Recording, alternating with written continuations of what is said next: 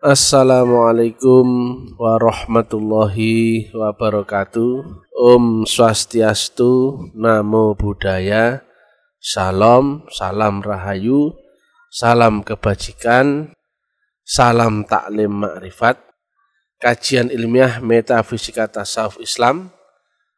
Kali ini adalah edisi ke-22 yang kita angkat temanya adalah cara menang lawan dunia. Pada kenyataannya, semua orang berketergantungan dengan dunia. Yang dunia ini adalah apa yang terlihat oleh panca indera, dirasakan, diraba, dicium, didengar, dan sebagainya, yang berinteraksi dengan akal dan interpretasi manusianya maka orang cenderung dengan subjektivitas yaitu selera nah, kemudian kebanyakan kita akan digoda dengan keinginan, harap, khayal, kepentingan dan sebagainya. Padahal dunia ini adalah fata morgana. Artinya jika kita tidak tahu teknik untuk lepas dari jeratan dunia, maka kita terjebak di dunia dan sulit untuk bisa keluar. Kalau kita mencari batasnya dunia dengan mencari ujungnya di langit biru, tentu nggak ada ujungnya.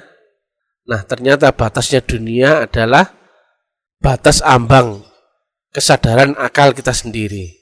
Hilang akal sadarnya, maka hilang pula dunianya. Ketika kita tidur, maka seluruh dunia kita lenyap. Pekerjaan kita, kemudian anak istri kita, apa pun lenyap. Apalagi pingsan, apalagi mati.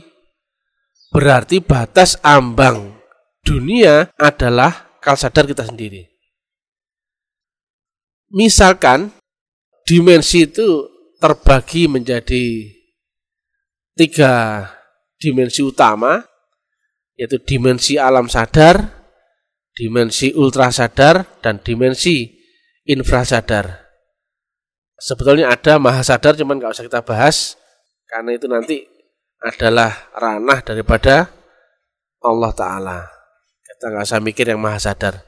Kita kenali dulu mana yang sadar, mana yang di bawah sadar. Kalau demikian berarti dunia yang kita tempati ini ada batas ambangnya. Misalkan paling bawah ada 0, paling atas adalah 100%. Di bawah 0% berarti itu sudah masuk infrasadar. Sedangkan di atasnya 100% itu sudah masuk ultra sadar. Tetapi kemampuan manusia hanya bisa membaca gelombang alam dunia saja yaitu panca inderanya hanya bisa membaca antara 0 sampai 100%. Di bawah 0 itu mesti memakai teknik khusus dan di atas 0 di atas 100% juga mesti memakai teknik khusus. Yang infra sadar dan ultra sadar sudah masuk ranah metafisika.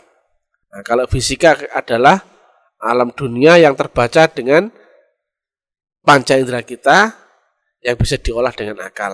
Tapi ada dimensi yang di atasnya. Apa yang kita lihat ada. Ada dimensi yang ada di atas kita dengar juga ada. Di bawahnya pun ada. Untuk itu, seorang yang ada di dimensi dunia itu tidak mungkin bisa menang lawan batas ambang dunianya selama dia masih di dalam limit itu. Misalkan batas dunia paling tingginya adalah 100%. Nah, misalkan orangnya itu ada di gelombang 90%. 90% dibanding 100% itu masih di bawahnya. Walaupun 99% tapi masih di bawah 100%, itu masih di bawahnya dan tidak mungkin bisa menang dan lolos melawan dunianya. Maka yang tadi awal kita sampaikan bahwa ternyata batas ambang dunia adalah batas kesadaran akal kita sendiri. Berarti ada kesadaran yang lain yang mesti kita pakai, kita aplikasikan, yang mestinya harus memakai alat kesadaran yang di atasnya akal, sehingga kita bisa menang lawan dimensi dunia.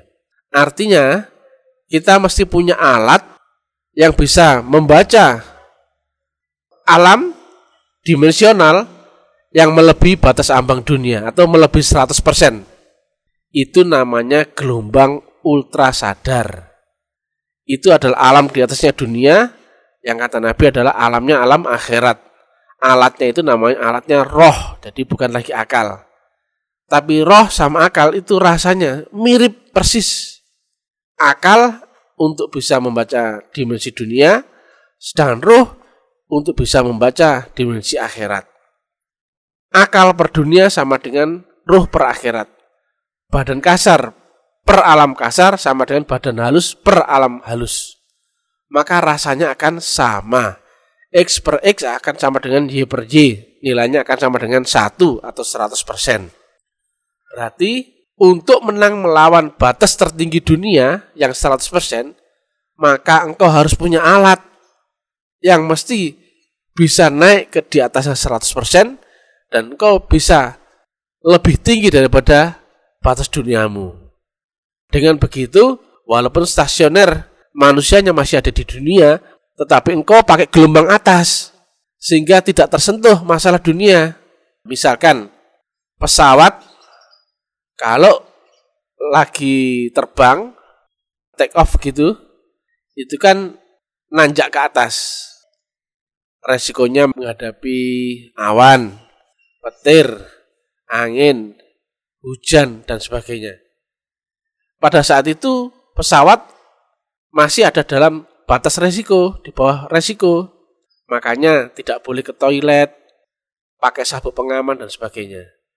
Tetapi kalau pesawat itu telah ada di atasnya batas ambang, atmosfer, atau di atas awan, maka pesawat itu sudah masuk level aman.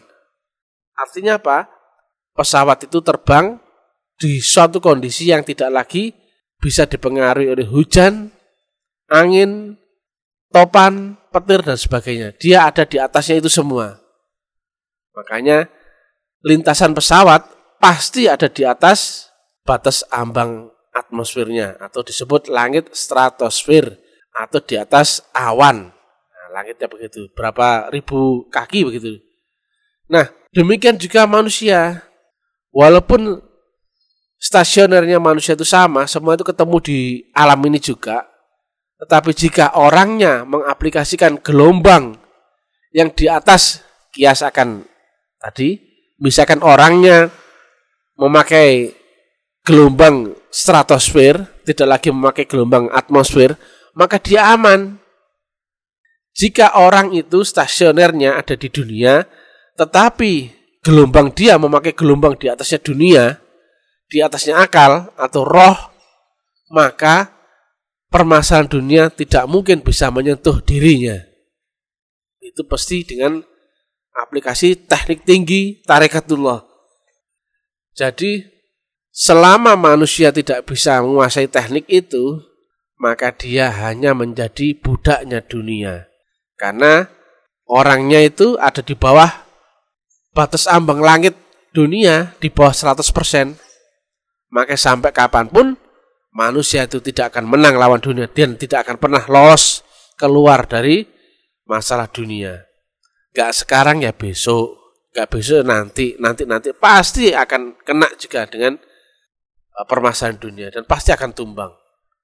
Padahal banyak sekarang umat di akhir zaman ini orang sangat bergantung dengan dunia, sangat cinta dunia. Padahal kata Nabi dunia itu cuma mimpi fata morgana, tapi mereka nggak bisa membuktikan itu. Bisanya dibuktikan bahwa dunia ini fata morgana adalah jika orang itu telah melewati batas ambang, maka dia baru bisa membenarkan, oh benar ini. Ada langit di atasnya dunia. Tapi karena orangnya itu ada di bawahnya dunia, maka tidak pernah bisa membuktikan itu. Dan dikiranya dunia adalah full kenyataan, padahal enggak. Begitu engkau mati, kata Nabi, engkau masuk ke alam yang lebih nyata, Dan barulah kau sadar bahwa selama ini kau cuma bermimpi di dunia ini. Dunia ini nanti hanya sebagai rasanya seperti mimpi yang telah kau lewati. Itu dia. Jadi mesti kita pelajari tentang teknik tinggi tarikatullah agar kita bisa mengaplikasikan gelombang di atasnya akal, gelombang di atasnya dunia, walaupun stasioner jasmani kita masih di dunia. Kalau sudah begitu kita pasti menang. Jadi walaupun orangnya di alam akal semua, tetapi karena kita memakai gelombang di atas akal, yaitu gelombang roh, maka dunia dan permasalahannya tidak mungkin bisa menyentuh orang ini. Sebagaimana janjinya, tidak mendatangkan mudarat bumi dan langit bagi siapa yang berserta dengan aku, tidak mendatangkan mudarat, atau juga tidak ada kamus kalah dan gagal bagi siapa yang beserta dengan aku. Nah, tetapi teknikalnya adalah mesti memakai gelombang di atasnya akal atau gelombang di atasnya dunia. Jadi orangnya masih di sini, tapi gelombang sudah memakai gelombang roh. Alamnya dia itu sudah di alam akhirat, walaupun jasmaninya masih di sini. Karena ketemu dengan jembatan sirotol mustaqim. Jasmaninya masih terikat dengan hukum dunia, tetapi isinya gelombangnya telah naik ke dimensi di atasnya dunia, yaitu akhirat. Ya kata Nabi ada tujuh lapis langit lagi di atas dunia ini, maka itu semua bisa dibuktikan. Itu aja. Mudah-mudahan manfaat. Salam tali marifat, salam kebangkitan tasawuf ilmiah. Jangan lupa ikuti uraian ilmiah kami di FB, YouTube, WA, Instagram, Telegram, dan lain-lain. Bagi yang berniat serius ingin belajar, silakan hubungi admin. Share uraian kami ke mana-mana agar banyak saudara lain yang tercerahkan. Jadi tarekat adalah teknik tinggi atau teknologi di dimensi metafisika, yaitu praktikalnya adalah di atas alam dunia atau yang disebut Nabi sebagai alam akhirat. Alatnya adalah roh, jadi bukan lagi akal. Demikian, ilahi anta maksudi waridho kaman lebih. Wassalamualaikum warahmatullahi wabarakatuh.